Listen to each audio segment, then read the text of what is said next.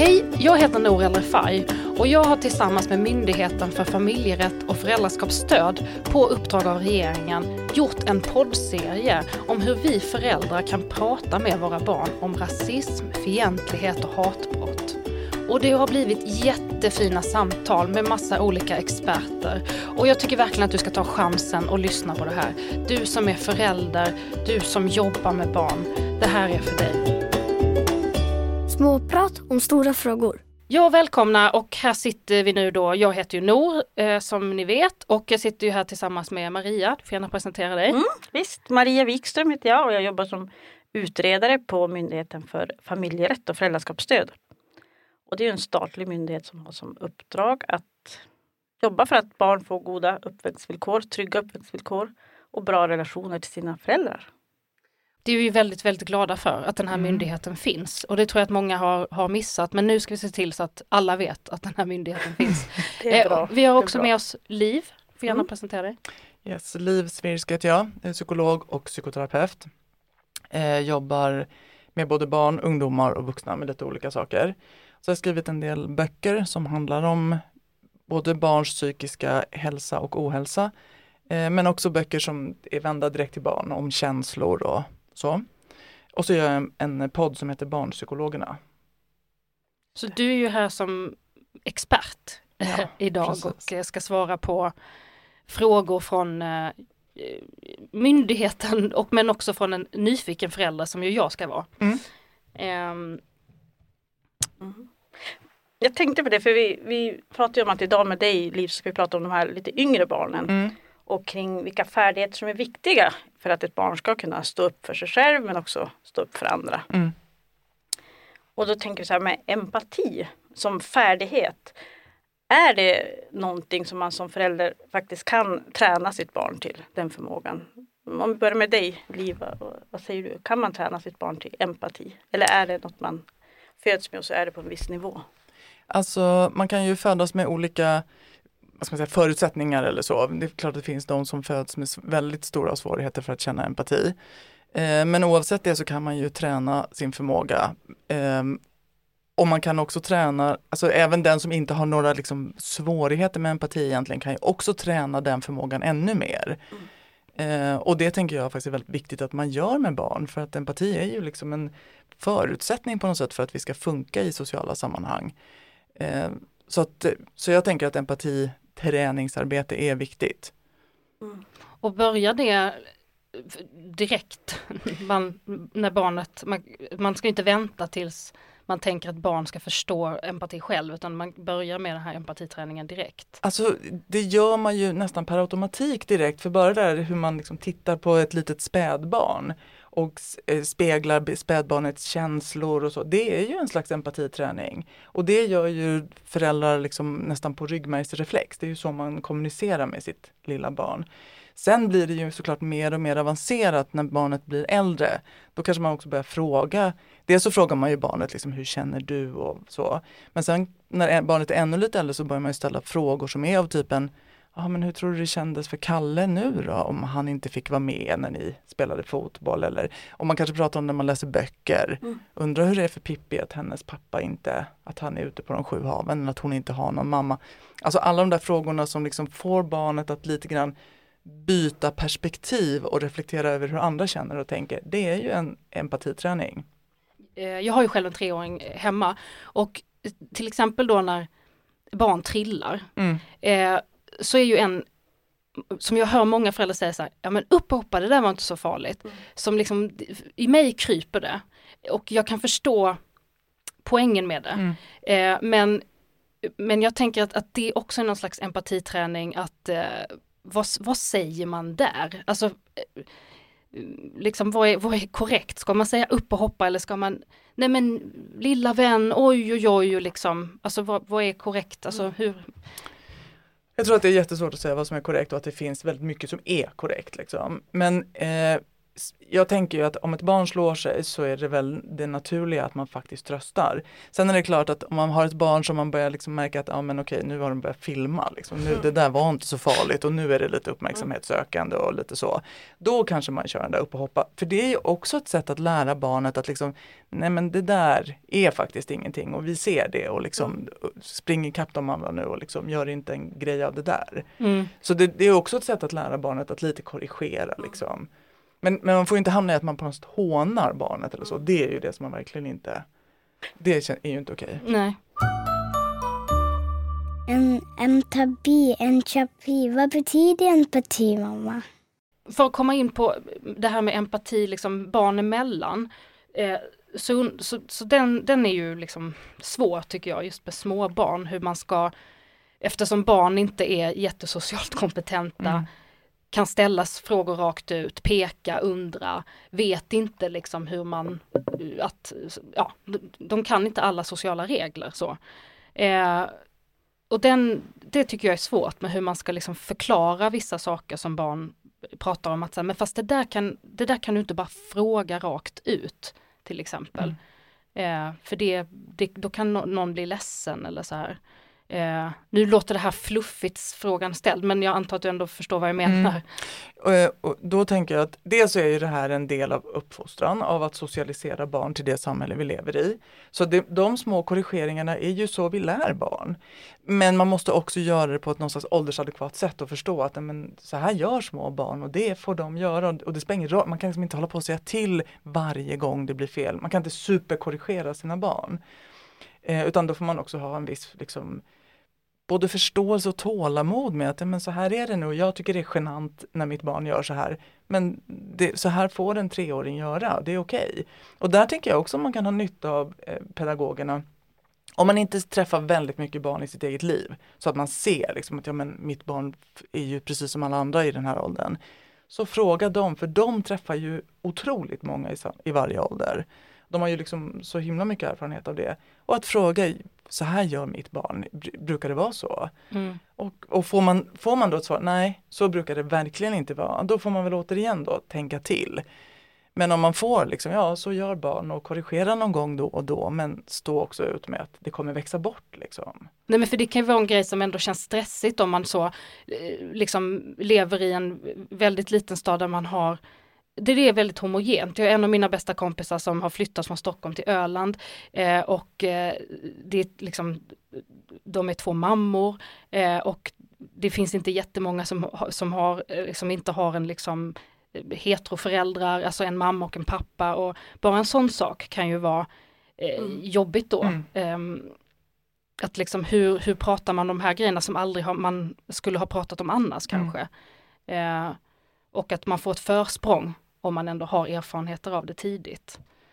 Alltså återigen, att där handlar det om våra fördomar som vuxna och att vi lyfter upp att man, dels att man är medveten om, om man bor i en väldigt homogen kontext, att det här är inte representativt för världen. Det här är ett ganska, liksom, här har alla eh, villa, Volvo, vovve, liksom. så ser inte världen ut och att man faktiskt pratar om det med sina barn och visar det.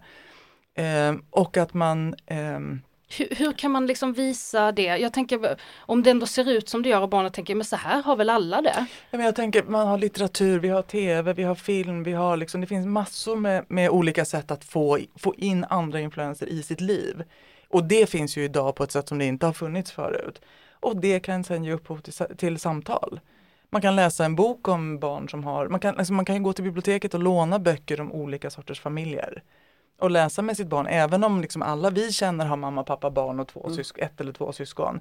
Men det finns de som har två mammor, en pappa, två pappor, fyra liksom. Mm. Så kan det också, man kan vara adopterad, man kan vara, någon kan ha dött liksom. Så kan det också se ut.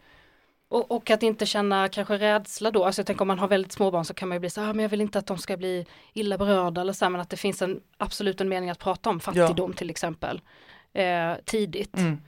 Eh, och jag tycker det är väldigt gulligt när väldigt små barn kan säga så här, ja men tänk på alla som inte kan köpa den här mm. grejen och ja men vi har råd men det har inte någon, alltså det är väldigt eh, härligt, även om man inte har något exempel på någon som är fattig omkring mm. sig, att man ändå vet om det. Mm. Mm. Men hur, hur djupt tänker du att man, kan, att man bör eller borde gå i en sån, om, om vi då tänker att en treåring, oavsett om det var att någon hade två mammor eller mm. satt i rullstol eller, eller eh, hade svart hudfärg. Alltså hur, ja, hur, hur, djupt ska man förklara? Ska man hålla sig ganska ytlig därför att bara förklara utifrån den situation man faktiskt är och inte mm. eh, ja, dra in annat eller på, man måste ju förklara på den nivå som ens barn är. En treåring mm. behöver ju inte en särskilt fördjupad förklaring utan med treåringar så räcker det ju med att säga men barn, människor kan ha massa olika hudfärger. Mm. Eh, eller hårfärg eller mm. ja, det finns de som sitter i rullstol och andra som kan gå, så mm. kan det vara. Mm. Det, liksom, sen ökar ju nivån av komplexitet med ökad ålder men det kräver ju att barnet ens kan tänka så komplext. Liksom. Så ofta är det ju ganska enkla förklaringar att liksom, det där är inget konstigt, så kan det vara. Men man vill ju gärna liksom säga så mycket, få in så mycket. Mm. Ja men precis. Och att, att man liksom jag vet av mina barn sa, du förklarar som att jag ska dö imorgon. Att jag säger så många ord. Mm. Liksom att jag kunde kanske Ja, att, att det blir för mycket fast man som förälder själv vill liksom, och det här och det här och det här mm. måste du veta.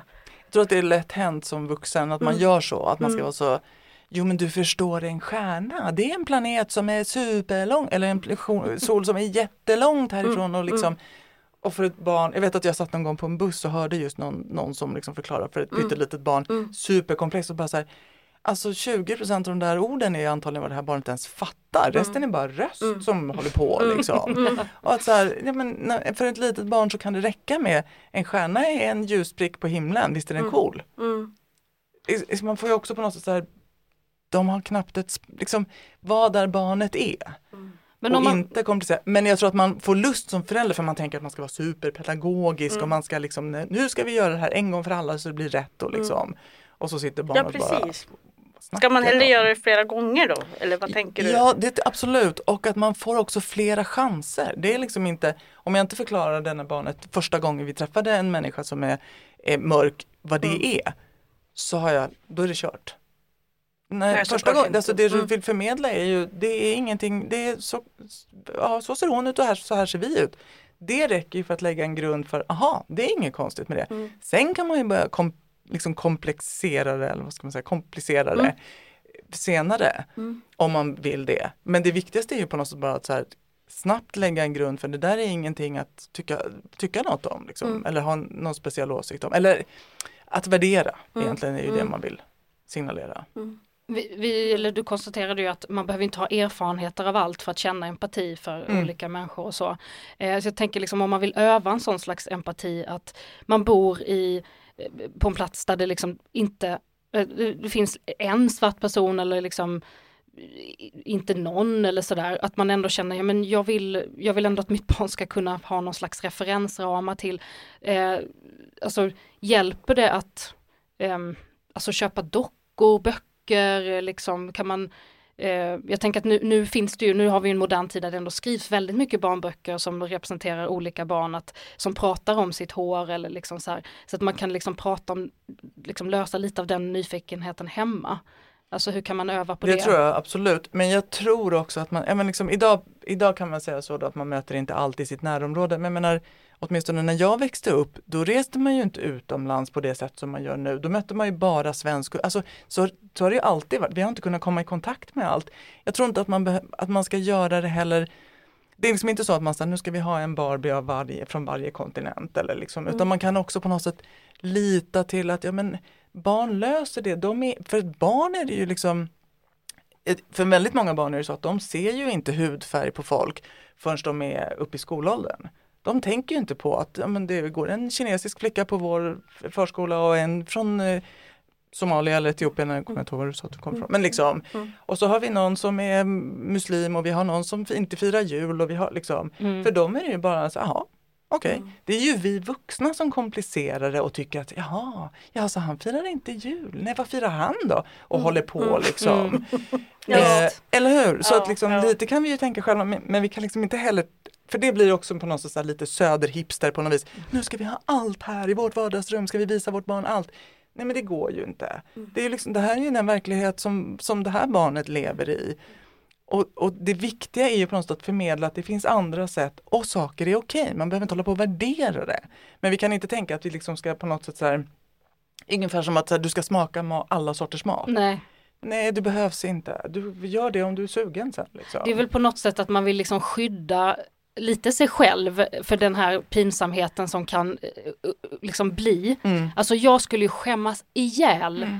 om mitt barn ställde en fråga som jag upplevde som en rasistisk eh, liksom så Mm. fråga, alltså det är konstigt att säga så här om ett barn men liksom ä- även om du säger att min unge var liksom sju och ställde någon fråga som jag bara, men vad säger du? Alltså kände så, Mm. så skulle jag tycka det var pinsamt. Då känns det som att man vill så i förväg liksom uppfostra sitt barn Mm. hemma i, i det stängda hemmet och sen så skicka ut en Mm. liksom perfekt unge så att inte det här händer. Men det du säger är rätt så här, det kommer att hända saker ändå och liksom det går inte att, att Det jag tror är att det man kan förmedla är att allt är okej. Det finns massa varianter och allt är okej. Men vi kan inte förmedla det för varenda enskild variant. Utan att det måste vara mycket mer, liksom att leva i ett hem där man då kanske säger, jaha, firar de inte jul, vad spännande, fråga vad han gör istället. Är ju en ganska, det är, liksom, det är ju att förmedla någon slags inställning. Mm. Till skillnad från, ja så gör de inte, undrar vad de Stackars gör barn, då. får inte Ja. han några julklappar då? Exakt. Ja. det var märkligt. Mm. Det är att förmedla en annan inställning och det är Mm. klart att man kan tänka på att liksom jag vill förmedla, jag vill till mitt barn förmedla en öppenhet, en nyfikenhet, ett intresse, en värderingsfrihet. Mm. Och det kan, det kan genomsyra, liksom, wow, kolla vad är det här för konstig frukt, den har jag aldrig sett. Det kan ju genomsyra allt man gör. Mm. Eller så, nej ta inte den där, vi tar en gurka.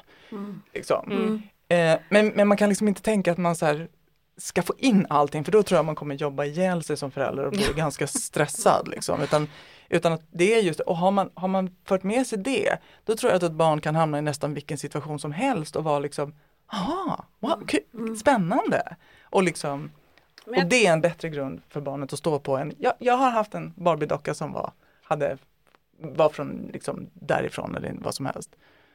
Jag tänker att, att det är också olika, alltså som förälder, hur van man är att prata om, om känslor. Eh, Att prata om sådana här saker för sitt barn. Man kanske inte själv har fått med sig det hemifrån och man har inte heller ja, jobbat med det på egen hand. Eh, Och man kanske märker att men jag blir väldigt, liksom, ja, jag blir bara, jag känner bara ilska när mitt barn Mm. beter sig på, på sätt som inte liksom är okej socialt.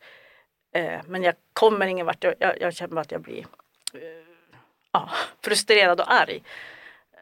Hur jag, ja, vad kan man göra då? Jag tror att det är bra att börja hos sig själv.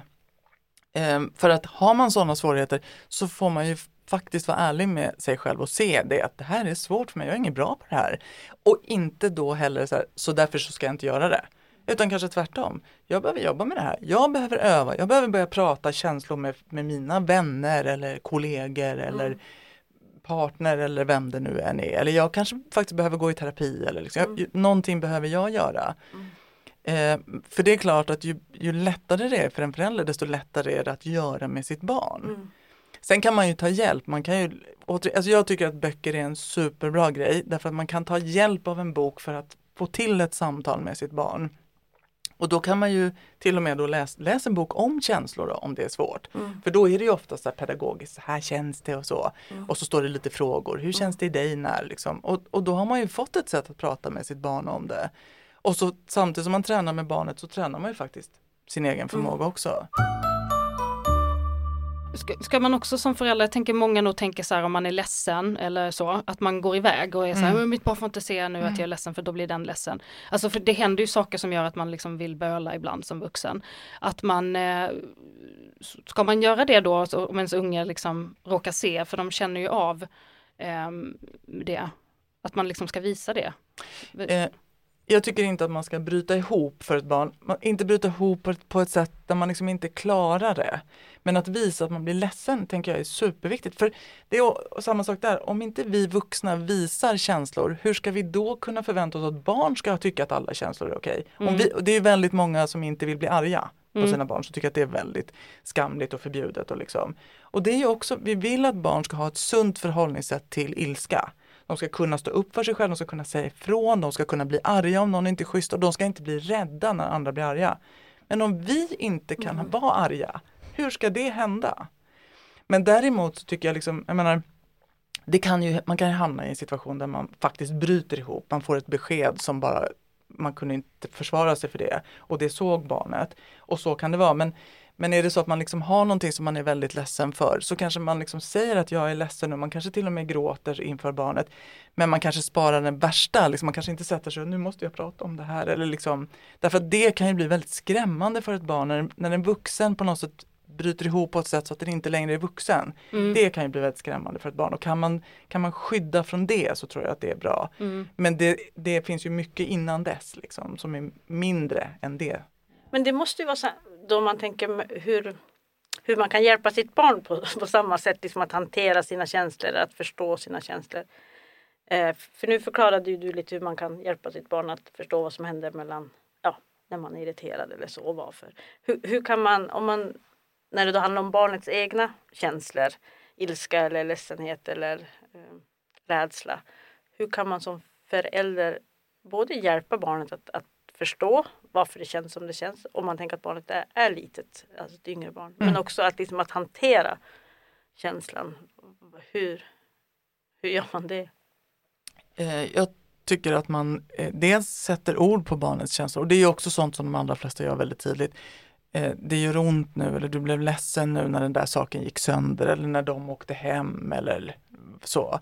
Jag förstår att du är ledsen nu, det är sorgligt när det blir så. Eh, och sen kanske man liksom, fast vet du, det var ju jättemysigt att de var här och det är ju jättefint att vi kan, att vi har dem och vi kommer ses igen. Det, det är också ett sätt att liksom hjälpa barnet att förstå sina känslor men också hantera. Att liksom se mm. saker ur ett längre perspektiv och liksom se, vända och vrida på saker mm. och så. Och att det sättet att prata om känslor hjälper barn att också förstå. Det låter ju lite som att, att, att, att man bekräftar egentligen bara att känslan är okej okay, även om den sen inte, även om man inte säger och därför ska vi inte därför ska du få fortsätta vara med dem. Eller därför, utan att... Nej precis, för, och den tror jag, den blir ju komplicerad om man då säger nej nu kan du inte åka hem för då kommer mm. mitt barn bli mm. ledset. Eller liksom, utan att faktiskt, det är okej att vara ledsen, du får vara ledsen. Mm. Eh, och, och sen kanske man också efter en stund, vet du vad, nu går vi och gör något roligt. Mm. Alltså hjälper barnet mm. att tänka på något annat, mm. precis som man ju gör med sig själv. Mm. Det är så vi vuxna mm. gör, att liksom, jag är ledsen för det där, nu behöver jag tänka på något annat, nu behöver jag liksom. Om jag inte vill liksom att mitt barn ska, när eh, Ja, men säg att, att eh, på förskolan när något går dåligt, eh, man spelar ett spel och så förlorar mitt barn. Och jag vill inte att mitt barn ska säga något dumt till den som vann. Eh, eller i något annat fall när mitt barn blir frustrerat. Jag vill inte att det ska säga något taskigt. hur, hur borde jag ha gjort eller hur borde jag Alltså hur kan jag underlätta för mitt barn att hantera motgångar utan att känna sig att översköljas och vara kränkt och behöva lägga ut det. Eh, jag tror att där kan man också empatiträna och ha nytta av det. Men du, om du förlorar, då blir det inte så roligt för dig om den andra bara jag vann, mm. du förlorade, du är värdelös och liksom. Mm. Eller hur, då blir inte du glad. Nej, Mm. Kanske inte du ska göra så när det är du som vinner för mm. det är inte roligt för den. Mm. Så att man även där vrider lite på situationen och visar, mm. för att bara säga, så där får man inte säga.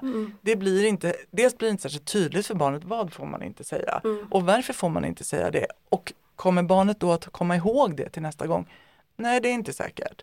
Så vill man förmedla något så är det bra att försöka vara tydlig så att barnet faktiskt liksom, nej men det är därför jag inte ska säga så. Mm.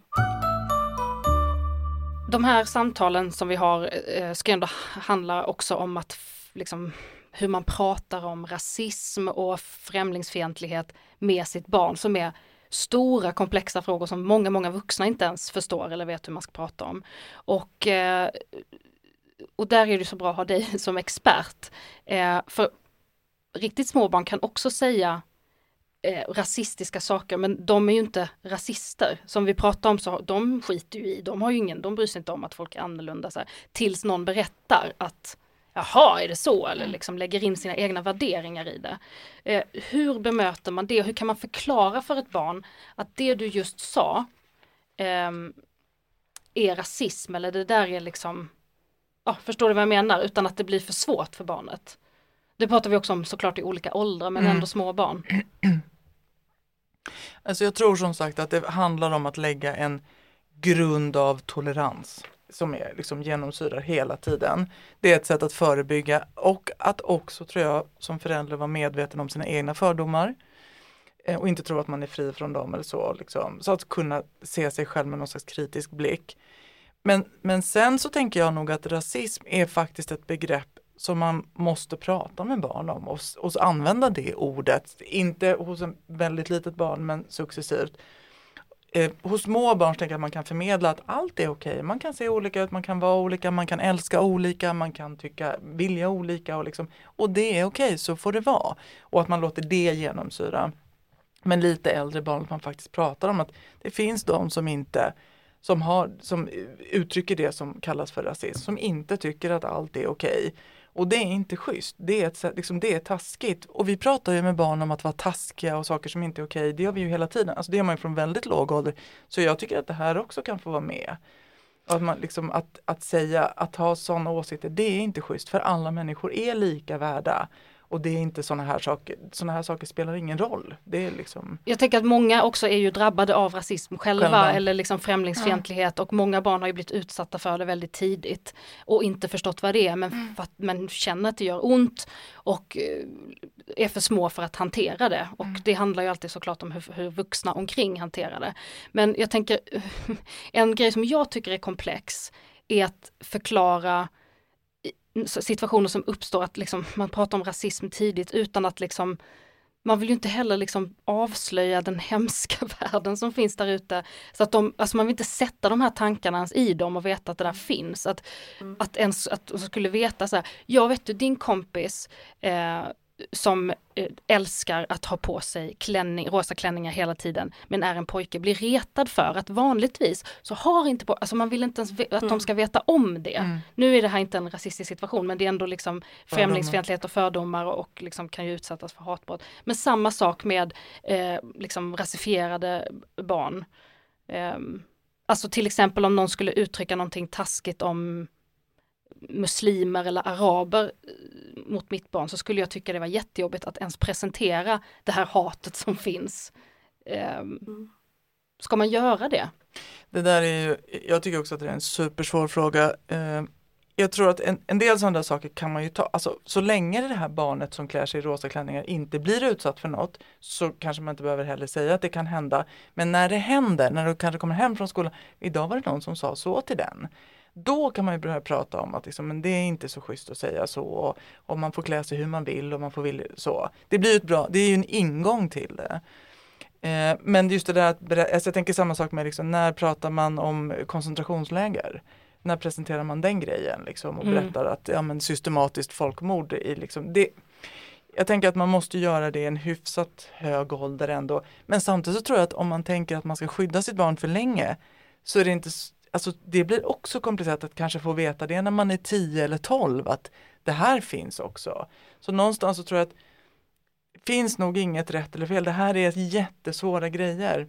Ja, det Samt, är ju det. Ja, men det är också en del, en del av den värld vi lever i. Vi kan inte heller tänka att vi ska liksom bomulla in allting och att inte liksom barn, konfron alltså barn konfronteras med jobbiga saker och ibland måste de det och det är så det, det, gör inte att det inte är jobbigt men det kanske måste hända. Man kanske någon gång, sen kan man ju hur man pratar om det så, och där tänker jag återigen barnlitteratur eller förskolepedagoger.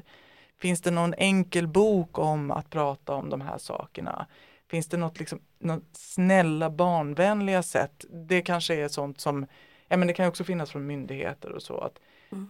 Så att man, så att man liksom inte så här, nu ska vi prata om hur, hur hemskt det, det här och det här var. Alltså, för, för det kan ju bli en Nej men jag tänker som, det var en situation en gång där en någon skrek något rasistiskt till mig eh, och eh, liksom även så kom ganska nära och ville att eh, jag och mitt barn när vi lekte skulle liksom flytta oss ifrån den här platsen. Och eh, jag blev ju liksom, du vet, liksom såklart arg och ville så, jag ville inte skapa en stor situation för att jag ville skydda mitt barn. Mm. Eh, och eh, och så gick vi därifrån för jag vill inte vara nära den här personen och då märker ju mitt barn såklart att jag är arg. Mm. Och, då, då, och nu är mitt barn så litet så att det går inte att förstå vad rasism är. Mm.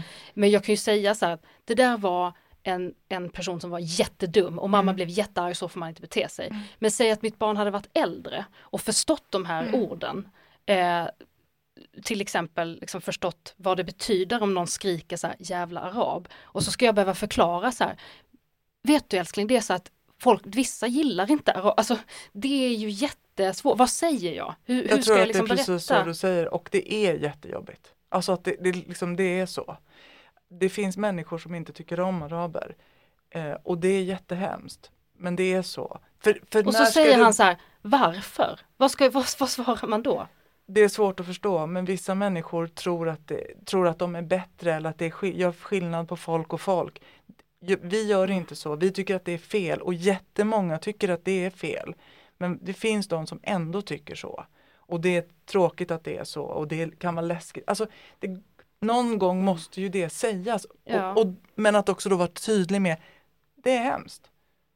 Och sen är det klart att ditt barn då, liksom, kommer de att skrika på oss igen? Kommer de, skulle han kunna slå dig mamma? Där kan man ju börja gradera hur mycket man säger att, vet du, de allra flesta är snälla och om han skulle blivit ännu argare så skulle någon annan ha hjälpt mig. Det kanske tyvärr inte är sant, men så kanske man får lov att säga till ett litet barn Ja. för att liksom, det blir, hur ska jag hantera Ja. världen annars liksom? Ja, Men jag kommer ihåg själv när jag insåg det här med liksom rasism, Mm. att, eh, så, att, att det var en jättetung grej att bära som så liten. Mm. Och att man kände liksom, är folk taskiga mot min Mm. mamma bara för att hon, alltså att det blev en sån jättejobbig grej att bära. Ehm, för att den är ju så stor Mm. och hemsk liksom. Att, eh, Men Ja. fick du då, alltså att det var jobbigt att bära, tänker du att, eh, alltså, att det handlade om hur du hade fått det presenterat för dig eller mer Nej, De bara att det är så det ser ja, ut och det ja, kommer att hända mm, igen ja. och det, det går inte att skydda sig Mm, från det. mm. Men en grej jag tyckte var viktigt var att känna att det är aldrig, aldrig ditt fel. Mm. Det är ingenting du gör, du behöver till exempel vara på den här platsen. Du får vara på den här Mm. platsen, du får låta precis hur du vill, du får leka här lika mycket som vem som helst.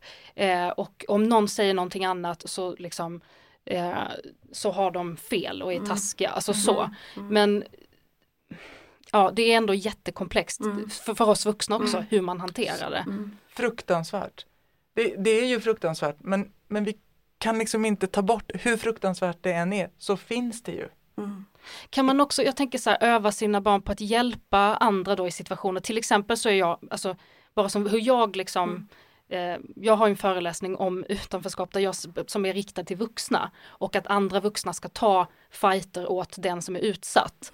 Att det är det det handlar om, alltså den som blir utsatt ska inte behöva vara den som säger så här, sluta utsätt mig, utan andra runt omkring ska göra det. Är, är det okej att öva sitt barn också utan att liksom, man vill att barn ska gå in i liksom, fighter? Men till exempel så här, mitt barn leker med sin kompis eh, som är liksom eh, brun och så säger någon någonting taskigt till den personen som han känner igen är det här är det här som mamma förklarade var rasism att säga liksom så där, alltså försvara sin kompis utan att bråka. Alltså, Jag tycker det är en jättefin sak att lära barn men jag tror att det bästa sättet att lära det är att föregå med, med gott exempel. Alltså att inte bara lägga det på barnet Nej. utan att faktiskt också då vara en sån själv. Jag står upp om jag ser någonting och att, att, ett barn, att, att mitt barn får kanske se mig göra. Nej, så, och är jag med så det är kanske jag som säger till. Nej, så där säger man inte. Så att man liksom, för, att, för jag tycker att det är klart att vi vill lära, barn ska också bli vuxna. Vi, vi skulle ju vilja ha ett samhälle som är fritt från det här. Ja, det klart, att liksom, alla är som barn är naturligt. Liksom. Precis. Men det är ju vi vuxna som inte är det. Ja. Så liksom, det allra största va- ansvaret, det är vårt. Vi måste bete oss så som vi vill. Och gör vi det så kommer ju barnen att lära av oss. Men du var inne på en viktig sak där som vi inte har pratat så mycket om. Eh, just det här att eh, när, när barnet själv är det som blir utsatt och då sa du att ja, men det viktigaste är ju att, att veta att det inte är liksom mitt fel, det är inte jag har rätt att vara här och, och så vidare. Um, ja men precis, hur, kan, kan vi säga något mer om det? Hur man som förälder kan, kan eh, stött, stödja sitt barn att, att när det blir retat på grund av sin, ja till exempel sin hudfärg då. Alltså hur kan man, vilket stöd kan man ge till sitt barn? Jag tänker bara bara som jag, det liksom det som jag, den liksom rasifieringen som jag blir drabbad av, liksom att vara arab och muslim och så här liksom som, som folk, eh, att, att som liten i alla fall känna att jag fick upprättelse, att liksom det är, det är fel. Alltså det, det hjälpte mycket. Eh, sen tänker jag som utifrån att vara förälder, att man är också jätterädd att man vill ju inte att det ska vara en fara för ens barn. Liksom. Eh, och nu är det ju inte så ofta det i liksom, lekande situationer och så här, men att det ändå kan vara jättehemskt. Jag tror att man ska utgå också ifrån att barn inte kommer berätta. Nej. Utan att man kan fråga pedagogerna väldigt mycket. Liksom, Mm. liksom, har ni tagit upp det här? Har det hänt en sån här situation där ni har behövt förklara för barnet? Liksom, tänker jag, så bara utifrån att liksom vara var en som är, är drabbad själv. Mm. Att man, man vill ju inte som sagt presentera situationer som de inte ens skulle ha föreställt sig. Mm. Men jag tror ju också att man som förälder, oftast så har man ju, inte alltid, men många föräldrar har ju ändå samma minoritetstillhörighet som ens barn. Och att också berätta om hur man själv har gjort. Det, så, så har folk sagt till mig också, vet du hur jag kände? Jag blev jätterädd, jag blev jätteledsen, jag blev arg. Då brukade mormor säga eller liksom, alltså att för att det är ju faktiskt så att mina erfarenheter betyder ju också någonting för mitt barn. Sen kan det ha varit olika olika tider såklart och liksom, men någon, alltså att inte heller glömma det. För jag menar, det som du kan säga till din son om att mm, det hände mig när jag var liten, det kommer ju att betyda någonting för honom som, som har ett helt annat värde än vad många andra säger till honom. Mm. Eh, Och så tror jag också gemenskap är ju en jätteviktig grej, att om man tillhör en minoritetsgrupp, att få vara med andra runt sig som Mm. också eh, liksom eh, tillhör samma, det kan ju vara bara så här, om man har ett barn till exempel med down syndrom som man vet så här, kommer att någon gång väldigt tidigt i livet bli retad. Mm. Så vill man ju också att så här, men du ska ju ha kompisar som du kan identifiera dig med och som, som representerar, liksom, att du känner dig representerad också får känna dig som norm ibland. Och det här är ju precis samma med rasifierade personer, med svarta personer, med liksom afrosvenskar, att få, inte få känna sig hela tiden som annorlunda. Att man försöker också så här, eh, det är svårt vet jag, man kan ju inte liksom framkalla men att försöka så här, också via litteratur och film och tv, det finns massor. Mm. Att så här, här är det du som är normen och här är du representerad. Liksom. Eh, det kände jag Mm. hjälpte som barn. Liksom. Jag vet inte hur du kände själv, liksom, men Jag håller med, jag tycker också att det är jätteviktigt men jag vet inte om vi närmar oss att runda Ja. av. Ja. Men jag tänker bara så att allt det som vi har pratat om här idag, att vi som vuxna ändå alltid är de som har det största ansvaret och det är liksom allt ska få vara okej och det är vi vuxna som måste signalera det och stå, stå för det och bära det. Vi kan, vi kan ha bra idéer om hur vi hjälper barn så här men vi får aldrig glömma vårt eget ansvar och det gäller ju alla. Precis alla, både de som har barn och de som inte har barn. Vi är alla Alltså det är någonstans är det ju så, allas ungar är, alla ungar är allas ungar. mm. Ja men tack, tack Liv för att du har delat med dig så generöst av jätteviktiga saker. Tack. För vi träffar ju Liv, du kommer ju vara med i ett till avsnitt Mm. Liv där vi kommer att prata egentligen om samma ämne men vi kommer att prata om äldre barn, Just det. tonåringar och hur, hur man kan stötta dem i, i samma frågor. lyssna på det. Bra. Tack, tack, tack. Hej! Du har lyssnat på poddavsnitt från Myndigheten för familjerätt och föräldraskapsstöd. Det är en statlig myndighet som arbetar för att barn ska ha trygga uppväxtvillkor och goda relationer till sina föräldrar. En sammanfattning av dagens program hittar du på mfof.se smakprat. Där hittar du också material som hjälper dig som förälder att vara beredd att prata om rasism, hatbrott och fientlighet. På mfof.se smakprat hittar du också alla andra avsnitt i den här serien.